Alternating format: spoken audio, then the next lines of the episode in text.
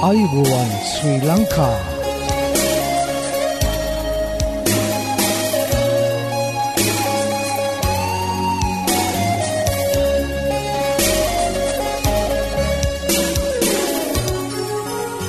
ඔබට සුපදවස මේ ඇඩවෙන්ටිස්වර් radio බලාපොරොත්වය හඬයි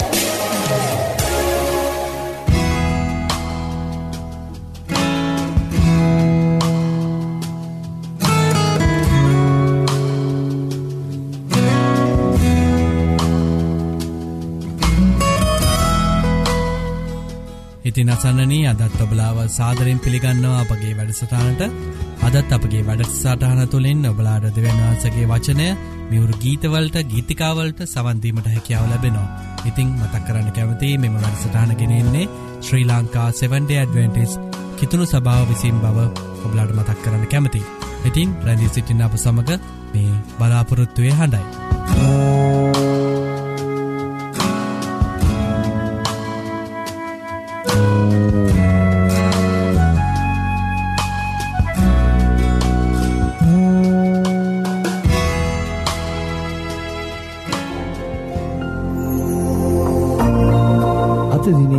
Bible පාටය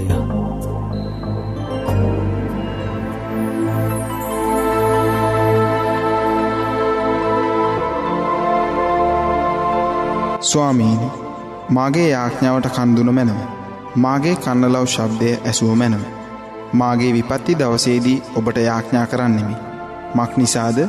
ඔබ මට උත්තර දෙනසේක ගීතාවලිය අසූහයේ හැවැනි පරිච්චේදේ අටදක්වා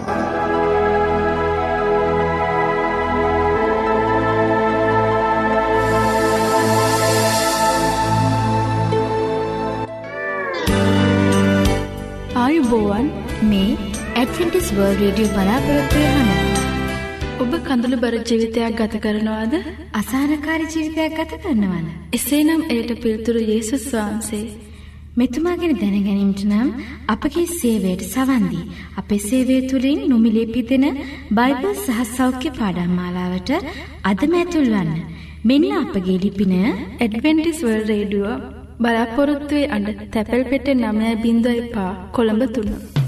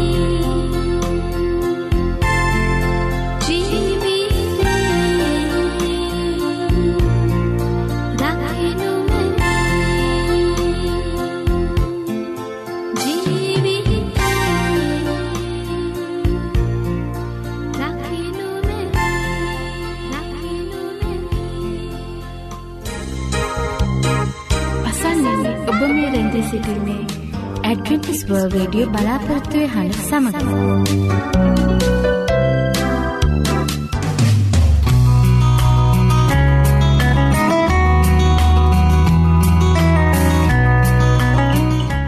ඉතින් අසන්නනී ඔබලාට ස්තුතිවන්ත වෙනවා අපගේ මෙම වැඩසටාන් සමඟ එක්වී සිටීම ගැන ඇතින් අපි අදත් යොමුුවමෝ අපගේ ධර්මදේශනාව සඳහා අද ධර්මදේශනාව ඔබහටගෙනෙන්නේ විලීරීත් දේවගෙදතුමා විසින් ඉතින් ඔහුගෙනන ඒ දේවවාක්‍යයට අපි දැන් යොමු රැඳි සිටින්න මේ බලාපොරොත්තුවය හඬ.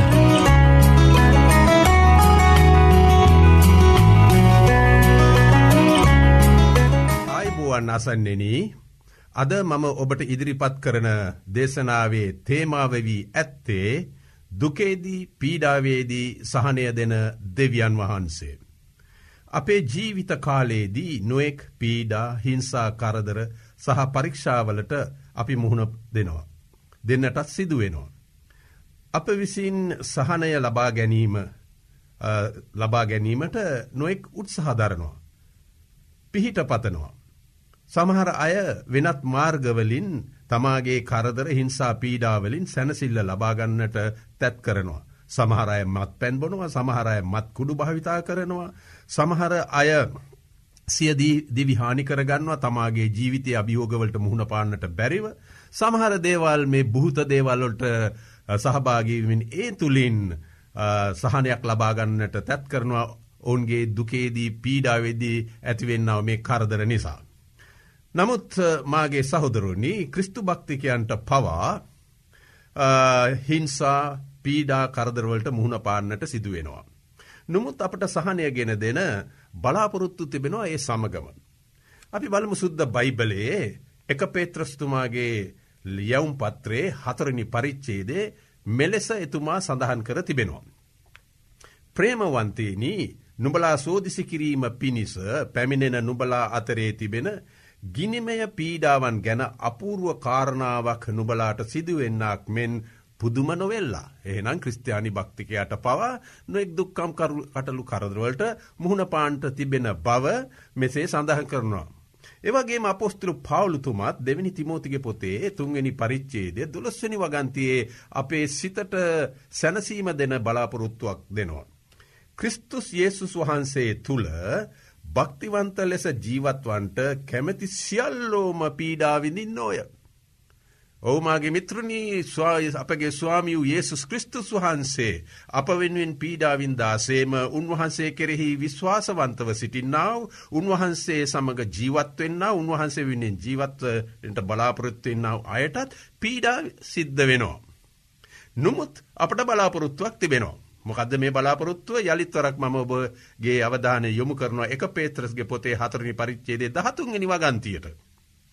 නොමුත් ක්‍රිස්තුස් වහන්සේගේ තේජසේ එළිදරව්වීමේදිත් නුඹලා ඉතා මහත් ප්‍රීතියකින් ප්‍රීතිවන පිණිස උන්වහන්සේගේ දුක් විඳීමෙහි නුඹලා පංගුකාරෙක් වන ප්‍රමාණයට ප්‍රීතිවයල්ලා. ක්‍රිස්තුස් වහන්සේගේ නාමේ නිසා නින්දා කරනු ලබන්නහු නම් නුබලා ආශිර්වාද ලද්දුහිය. මක්ෂ නිසාද මහි මේ ආත්මයණන් වහන්සේ වන දෙවියන් වහන්සේ නුබලා කෙරෙහි රඳන සේක. එහෙමනං යෙසුස් වහන්සේ වෙනුවෙන් මොන දුකක් පීඩාවක් පැමිණියත් අපට බලාපොරොත්තුවක් තිබෙනවා මක්නිසාද උන්වහන්සේ අප සමඟ සිටින නිසා. එවගේම බොහෝ අවස්ථාවන් හිදී පීඩා කරදරවලට මුහුණ දෙන විට මිතුරන්ගෙන් නෑදායන්ගෙන් අඳුනන අයගෙන් අපි පිහිටා ඉල්ලා සිටිනවා නේද. නමුත් ඒ අයටද පිහිට ලබාදෙන්ට අපහොසත් වෙනවා. මක් නිසාද අපි සියල්ලුම දෙනා පාපය නිසා නොෙක් දුක්කම් කටලු කරදවලට මුණ පාතිබෙන නිසා. අපගේ ගැලුම්කරුවානන්ද මැවුම්කරුවානන්ද වන යෙසුස් කෘස්තුස් වහන්සේ කන්ද උඩ දේශනාවිදි මෙන්න මෙසේ වදාලසේක. මතයතුමාගේ සුභහරංචයේ පස්වනි පරිච්චේදේ හතරනි වගන්තියේ උන්වහන්සේ මෙලෙස සඳහන් කරතිබෙනවා. සෝකවන්නෝ ආශිරවාද ලද්දෝය මක්නිසාද ඔවුන් සනසල්ල ලබන්නේ බලන්ටමාගේ මිත්‍රූනි ස්වාමින් වහසකෙන සෝකවන්නෝ ආශිරවාද ලද්දෝය. මක්නිසාද ඔවුන් සනසනු ලබනවා. කාවිසින් දපට මේ සැනසීම ලැබෙන්නේ ඒකත් දේව වචනින් අපි සොයා බලමු. අපට සහනය කරුණාව සමාධානය ක්‍රිස්තුස් වහන්සේගෙන් ලැබෙන බව පවුල්තුමා දෙවැනි කොරින්තික පොතේ පළවෙනි පරිච්චේදේ දෙවැනි සහ තුන්ගෙන වගන්තිවල මෙසේ සඳහන් කර තිබෙනවා මාගේ මිත්‍රූර්ණි. දෙවැනි වූ වගන්තිය සඳහන් කරන්නේ අපේ පිය වූ ක්‍රිස්තුස් වහන්සේගෙන්ද ස්වාමියූ දෙවිපාණන් වහන්සේගෙන්ද කරුණාවත් සමාධානයක් නුබලාට වේවා. දෙවිය පියව් දෙවියන් වහන්සේගෙද ස්වාමියු ක්‍රිස්තුස් වහන්සේගෙද කරුණාවත් සමාධානයක් නුඹලාට වේව එනම් කරුණාව සමාව අපගේ දුක් පීඩාවලදි දෙන්ට පුළුවන් වන්නේ අපගේ මහොත්තම දෙවියන් වහන්සේට පමණයි. යොගතුන් එනිව ගන්තියත් සඳහන් කර තිබෙනවා. දයාබර කරුණාවල පියවූද සෑම සැනසිල්ලේ දිවි වූද අපගේ ස්වාමි වූ ඒසු ක්‍රිස්තුස් වහන්සේගේ පිය වූ දෙවියන් වහන්සේට ප්‍රසංසාවේවා. අපි දෙවියන් වහන්සේගෙන් යම් සැනසිල්ලක් ලැබුවමුද ඒ සැනසිල්ල කරනකොටගෙන කොයි පීඩාවක් නොමුත්. විඳින්නන් සනසන්නට අපට පුළුවන් වෙන පිණිස උන්වහන්සේ අපේ සියලු පීඩාවලදී අප සනසෙනසේක මාගේ මිත්‍රණි මීට වඩා බලාපොරොත්තුවක් අපට තියෙනවාද. උන්වහන්සේ මතන කියා තිබෙන සියලුම පීඩාවලදී අපව සනසන්ට සිටින්නේ අපගේ සැනසිලිකාරයන් වන ස්වාමියූ යෙසුස් වහන්සේ අපි වාසනාවන්තයෝ නේදමාගේ මිත්‍රූර්ණි. ඒවගේම කිය තිබෙන පස්වනි වගන්තියේ. මක්නිසාද යම්සේ ක්‍රිස්තුස් වහන්සේගේ දුක්විඳීම් අප කරෙහි අධික වන්නේද එසේම ක්‍රිස්තුස් වහන්සේ කරනකොටගෙන අපගේ සැනසිල්ලත් අධික වෙනවා. අඩුවෙන්නේ නෑ වැඩි වෙනවා. අධික ලෙස වැඩි වෙනවා. බලන්ට එහෙමනං අපේ පීඩාවලදී දුක්කම් කටලුවදී උන්වහන්සේ කරේ විශ්වාසකොට අප වෙනුවෙන් පීඩාවින්දාව ඒසුස් වහන්සේට පුළුවන් අපගේ ජීවිතය පීඩාවලදී අපව සනසන්ට අධික ලෙස. එවගේම උන්වහන්සේ කරේ විශ්වාසවන්තව සිටින්නන්ට සුද්ද බයිබිලේ සඳහන් කර ඇති පොරොන්දු එනම් සැනසීම ගෙන දෙන පොරොන්දු කෙරෙහි මෙනෙහිකොට මෙහි කිරීමට දැන් අපි සූදානම්වෙම. අපි බයිබලෙන් දේව වචනය ගැන ටිකක් සොයලා බලමු. මගේ මිත්‍රනී ධවිත් රජතුමා ගීතාවිලියේ. තිස් හතරණි ගීතාවලියේ දහත්වනි වගන්තයේ සිට දහනමයිනි වගන්තිය දක්වා මෙන්න මෙලෙස සඳහන් කරලා තිබෙනවා. අපි කියෝල බලමු සවන් දෙන්න. ධර්මිෂ්ටයෝ මොරගැසුවෝය. ස්වාමින් වහන්සේ අසා ඔවුන්ගේ සියලු දුක්වලින් ඔවුන් ගැලවූසේක. මගේ මිත්‍රූණි එහෙමනන් ධර්මිෂ්ටයට පවා කරදර පැමිණියත් මොරගසන විට ස්වාමින් වහන්සේ අසා ඔවුන්ගේ සියලු දුක්වලින් ඔවුන් ගැලවසේක. එහෙමනං අපේ සෑම දුකක් වේදනාවකින් අපට පිහිටත් පාපෙන් ගැලවීමත් ලබාදෙන්ට පුළුවන් වන්නේ උන්වහන්සේට විතරයි. එලෙස්සම දහටනි වගන්තියේ තවදුරටත් සඳහන් කර තිබෙන්නේ. ස්වාමින් වහන්සේ බිඳුණු සිත් ඇත්තන්ට ලංව සිටිනසේක. තැලුණු ආත්ම ඇත්තෝ ගලවනසේක. බිඳුණු සිත් බලාපොරොත්තු කඩවුණු දුකට වේදනාවට පත්ව ඉතාමත් දුක්කිතව සිටින්නාව අය.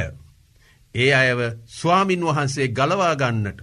එවගේම ස්වාමින් වහන්සේ සැනසීම ලබා දෙන්නට උන්වහන්සේ බලා සිටිනවා. ඒක දහන විනුවගන්තය දිහ බලමු. ධර්මිෂ්ටියයාගේ පීඩා බොහෝය නොමුත් ස්වාමින් වහන්සේ ඒ සියල්ලෙන් ඔහු ගලවන සේක.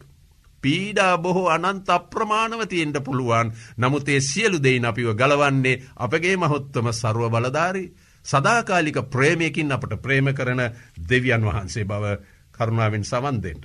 ඒ වගේම යෙසුස් කෘස්තුස් වහන්සේ. මතයුතුමාගේ සුභහරංචියයේ එකොළොස්වනි පරිච්චේදේ විසියටනි වගන්තියේ සඳහන් කර තිබෙන්නේ වෙහසවෙන්නාව බරඋසුලන්නාව සියල්ලෙනි මාවෙතටෙන්ට මම නුඹට මොනවා දෙන්නේ සහනය දෙනවා. සතුට සහනය සෑම මොහොතකම දෙන්නේ ඒසුස් වහන්සේ. ඒවගේම කරදර සහ පීඩාවලින් පෙළෙන අයට ස්වාමින් වහසේ දී ඇති තවත් පොරොන්දුවක් ගැන අපි මෙනෙහි කරමු. මේ පොරොන්දුව සඳහන් වී තිබෙනවා ගීතාවලියේ හතලිසෑවනි ගීතාවලිය පළවෙනි වගන්තියේ. දෙවියන් වහන්සේ අපේ සරණහා ශක්තියය දුකේදී ඉතා ලං වූ පිහිටක්ය. දුකේදී ඉතාමත්ම ලං වූ පිහිටක් වෙන කවරුත්නය අපේ දෙවියන් වහන්සේ. දෙවියන් වහන්සේ අපේ සරණහා ශක්තියය දුකේදී ඉතා ලං වූ පිහිටක්යෝ. එබැවින් පොළොව වෙනස් වෙතත් මුහුද මැත පර්ුවත සැලෙතත් එහි ජල ගුගුරා කැලබෙතත් එහි නගින රැල වේගෙන් පර්ුවත කම්පා වෙතත් බය නොවන්නෙමුව අපට මතක් වෙනවා නේද සුනාමිය. උන්වහන්සේ කරේ විශ්වාසවන්ත බොහෝ සියලුම දෙනා උන්වහන්සේ ඒ මහත් වූ ව්‍යසනයෙන් ගලවා ගත්තා. සාගත වසංගත ස්වභාවික පීඩා පැමිණියත්. උන්වහන්සේ ඒවා මැදින් අපව ගෙන යනසේක. උන්වහන්සේ අප සමග සිටින සේක නිසා තමයි ස්වාමින් වහන්සේ කියන මතයතුමාගේ සුභහරංචියයේ විසි අටවනි පරිච්චේද අන්තිම වගන්තියේ. ලෝක අන්තිමය දක්වා සෑම කල්හිම මම නුඹ සමග සිටිනවා. බලන්ට අපේ ස්වාමින් වහන්ස හැම කරදරයක් මධ්‍යයේ උන්වහන්සේ අප සමඟ සිටින නිසා අපි ඉතාමත්ම වාසනාවන්ත සෙනගක් නේදමාගේ මිත්‍රුණි. එලෙසම අපි බලමු පරණ තෙස්තමේන්තුව දිහා බල. යෙසයාගේ පොතේ හතලිස්තුන්ගනි පරිච්චේදේ පලවිනි සහදවනි වගන්තිවල සඳහන් වෙන්නේ මෙලෙසයි. ස්වාමින් වහන්සේ මෙසේ කියන සේක භයනුවන්න. මක්නිසාද මම නුඹ මුදාගතිමි නුඹේ නම කියා හඬ ගැසීමි. නුඹ මාගේය. නුඹ ජලමැදින් යනවිට මම නුඹ සමඟ සිටින්නෙමි. නුඹ ගංගා මැදින් යනවිට ඒවා නුඹට උඩින් ගලායන්නේ නැත. නුඹ නුඹ ගින්දර මැදින් යනවිට නොදැවෙන්නෙහිය. ගිනිදැල් නුඹ කෙරෙහි නොඇවිලෙන්නේය. මක්නිසාද මමෙන් මම නුඹේ දෙවියු ස්වාමින් වහන්සේය නුඹේ ගැලුම්කාරයන් වන ඊස්රයිල්ගේ සුද්ධ තැරන් වහන්සේය. ගින්දර වතුරෝහොයවා හැම ස්වභායක ව්‍යසනයක් පැමිණියත් අපේ මැවුම්කාර දෙවියන් වහන්සේ අප සමගයි. ස්වාමින් වහන්සේ තුළ ප්‍රීතිය නුඹගේ ශක්තිය බව නehමයාගේ පොතේ අටවෙනි පරිච්චේදේ දහවිනි වගන්තිය සඳහන් කර තිබෙනවා. උන්වහන්සේ අප කෙරෙහි අනුකම්පා කරන සේක. බුහුමික පෙවරුන් තමන්ගේ දරුවන්ට අනුකම්පා කරන්නේ යම්සේද උන්වහන්සේ ද අනුකම්පා කරන සේක. පිහිට වන සේක. මේ බලන්ට එකසිය තුන්වෙනි ගීතාවලිය දහතුන්වෙනි පදේ ධවිත රච්චුමා මිලෙස සඳහන් කර තිබෙනවා. පියෙක් තම දරුවන්ට අනුකම්පා කරන්නාක් මෙන් ස්වාමින් වහන්සේ තමන් කෙරෙහි බය ඇත්තන්ට අනුකම්පා කරන සේක. මක්නිසාද උන්වහන්සේ අපේ ස්වභාවය දන්නාසේක අප දූවිලි බව උන්වහන්සේ සිහි කරන සේක. පාපයට වැටුණු මනුස්්‍යයාගේ තත්ත්වය උන්වහන්සේ දන්නවා පාපය විපාක තමයි දුක වේදනාව මරණය නිසා උන්වහන්සේ අප කෙරෙහි බොහෝ අනුකම්පා කරනවා. ඒවගේම විපත්ති කාලයේදී අපට පිහිටක් සහ රැකවරණයක් වෙන්නේ උන්වහන්සේ. අපි බලම ගීතාවලිය නමනි පරිච්චේදේ නමනි වගන්තියට. ස්වාමීන් වහන්සේ පීඩා ඇත්ත ඇත්තන්ට උසස් කොටුවක් වන සේක විපත්ති කාලවලදී උස්කොටුවක් වනසේක. ඔබගේ නාමය දන්නෝ ඔබ කරේ විශ්වාස කරන්නහුය. මක්නිසාද ස්වාමීනී ඔබ සොයන්නන් ඔබ අත්නාරිනසේක. කරදරවරදී විපත්ති වෙලදි අපි උන්වහන්සේ සොයනවා නම් උන්වහන්සේ අපවත් හරින්නේ නෑ. ස්වාමි වූ ඒසු වහන්සේ කියෙන මා වෙතට පැමිණෙන කිසි කෙනෙක් මම කිසිසේත් අත් හරින්නේ නෑ. මොන දුකක් පීඩාවක් තිබුණත් අපි උන්වහන්සේ වෙතට හැරෙමු. ඒවගේම මෙම පද දෙස බලන විට අපට ඉගෙනගන්න ආත්මික පාඩම් කිහිපයක් තිබෙනවා. ධවිත් රත්තුමාගේ වැටීමට හේතුව ගීතාවලිය එකසිය දහනමිනි ගීතාවලිය හැටහත්වනි වගන්තියේ ඔහු මෙසේ සඳහන් කර තිබෙනවා. මම විපත්ති පැමිණෙන්ට පළුවෙන් මුලාව ගියමි. නොමුත් දැන් වචනය පවත්වමි. බොහෝ දෙනෙක් දෙවියන් වහන්සේගේ වචනය හරියාකාර දන්නේ නැති නිසා. උන්වහන්සේගේ ආග්ඥා පනත්වලට ගරු නොකරන නිසා ඔවුන්ගේ කැමැත්ත කර නිසා පීඩාවට පත්වෙනවා කරදරට පත්වෙන දාවිද්‍රජතුමා කියනවා මම විපත්ති පැමිණෙන්ට පළමුුවෙන් මුලාවගියමි. නමුත් පසු ඔහු කියනවා මේ විදිහට. ඔබගේ පනත් ඉගෙන ගන්න පිණිස්ස මට විපත්ති පැමිණුණු යහපති. මේ විපත්ති තුළින් ඔබවහන්සේ ගැන මට දැනගන්ට ලැබුණ නිසා ඒක යහපත් දෙයක් හැටියට සලකනවා. එහෙමනං අපි විපත්තිවලින් බේරෙන්ට නම් ස්වාමින් වහන්සේගේ වචනය තුළ අපි රැඳී සිටිමු. ඒවාගේම දෙවියන් වහන්සේගේ දිව්‍ය කැමැත්ත නොකිරීම නිසා විපත්ති සහ කරදරවලට හේතුව වෙයි. සියලුම අධර්මිෂ්ටකම පාපයයි. පාපය විපත්ති සහ කරදර ගෙන දෙනවා. හොඳයි අවසාන වශයෙන් මාගේ මිතුරුණි පාපයෙන් සහ විපත්තිවලින් වැලකී සිටීමට ධවිත් රජතුමා ගත් පියවර ගැන අපි සලකලා බලමු. ගීතාවලිය එකසිය දහනමිනි ගීතාවලිය දහවෙනි සහ එකොළොස්වනි පදවල සඳහන් කර තිබෙනවා. මාගේ මුළු සිතින් ඔබ සෙවීමී ඔබගේ ආග්ඥාවලින් මුලාව යන්ට මට ඉද නුදුන මැනව. ඔබට විරුද්ධව පව් නොකරන පිණිස ඔබගේ වචනය මාගේ සිතේ නිධාන කරගතමි හෙමනන් දෙවියන් වහන්සේගේ වචනය තුළ අපි සිටින්නේද එසෙල එහෙමනම් අපට විපත්වලින් වැලකී සිටින්ට පුළුවන්. ක්‍රස්තියානි බැතිමතුන් වශයෙන් පීඩාවට පත්ව සිටින අයට අනුකම්පා කළ යුතුයි. මතයුතුමාගේ යොප්තුමාගේ පොතේ හයනි පරිච්චේද දහතුන වගන්තිය කෙනවා.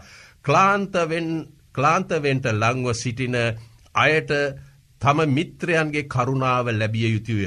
නොලැබුණොත් ඔහු සරුව පරාක්‍රමයණන් කෙරෙහි බයවීම අත්හරින්නේය. කරදරවලින් පීඩාවලින් ජයගන්නට මෙම ගීතාවලිය පොරොන්දුව සිහිපත් කර ගනිමු.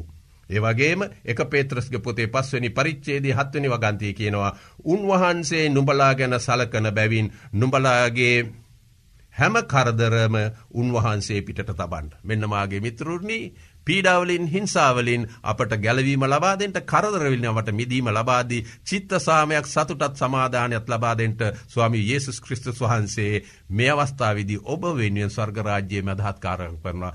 ඒ ස්වාමින් වහන්සගේ කරුණාව ඔබ සියලු දෙනාට ලැබෙත්වා සමාධානය කුමාරයානු ඔබගේ සිත්වල රජකම් කරනසේ ඔබ සියලු දෙනාට දෙවියන් වහන්සේගේ ආශිරවාද ලැබෙත්වා. ආයුබෝවන් මේ ඇඩ්වෙන්ටිස් වර්ල්ඩ් රේඩියෝ බලාපොරොත්තු වෙනවා. සත්‍යය ඔබ නිදස් කරන්නේ යසායා 8:31. මේ සත්‍ය සොයමින් ඔබ අද සිසිින්නේද? එසේනම් ඔබට අපගේ සේවයෙන් පිදෙන නොමිලේ බයිබල් පාඩම් මාලාවට අදම ඇතුල්වන්න. මෙන්න අපගේ ලිපිනය ඇඩ්වෙන්ටිස් වර්ල්ඩ් රේඩියෝ බලාපොරොත්තු වෙ හඬ තැපැල් පෙට්ටිය 905 කොළඹ 3. අපේ මෙ වැඩසටාන තුළින් ඔබලාට නොමිලේ ලබාගත හැකි බයිබල් පාඩං හා සෞඛ්‍ය පාඩම් තිබෙන.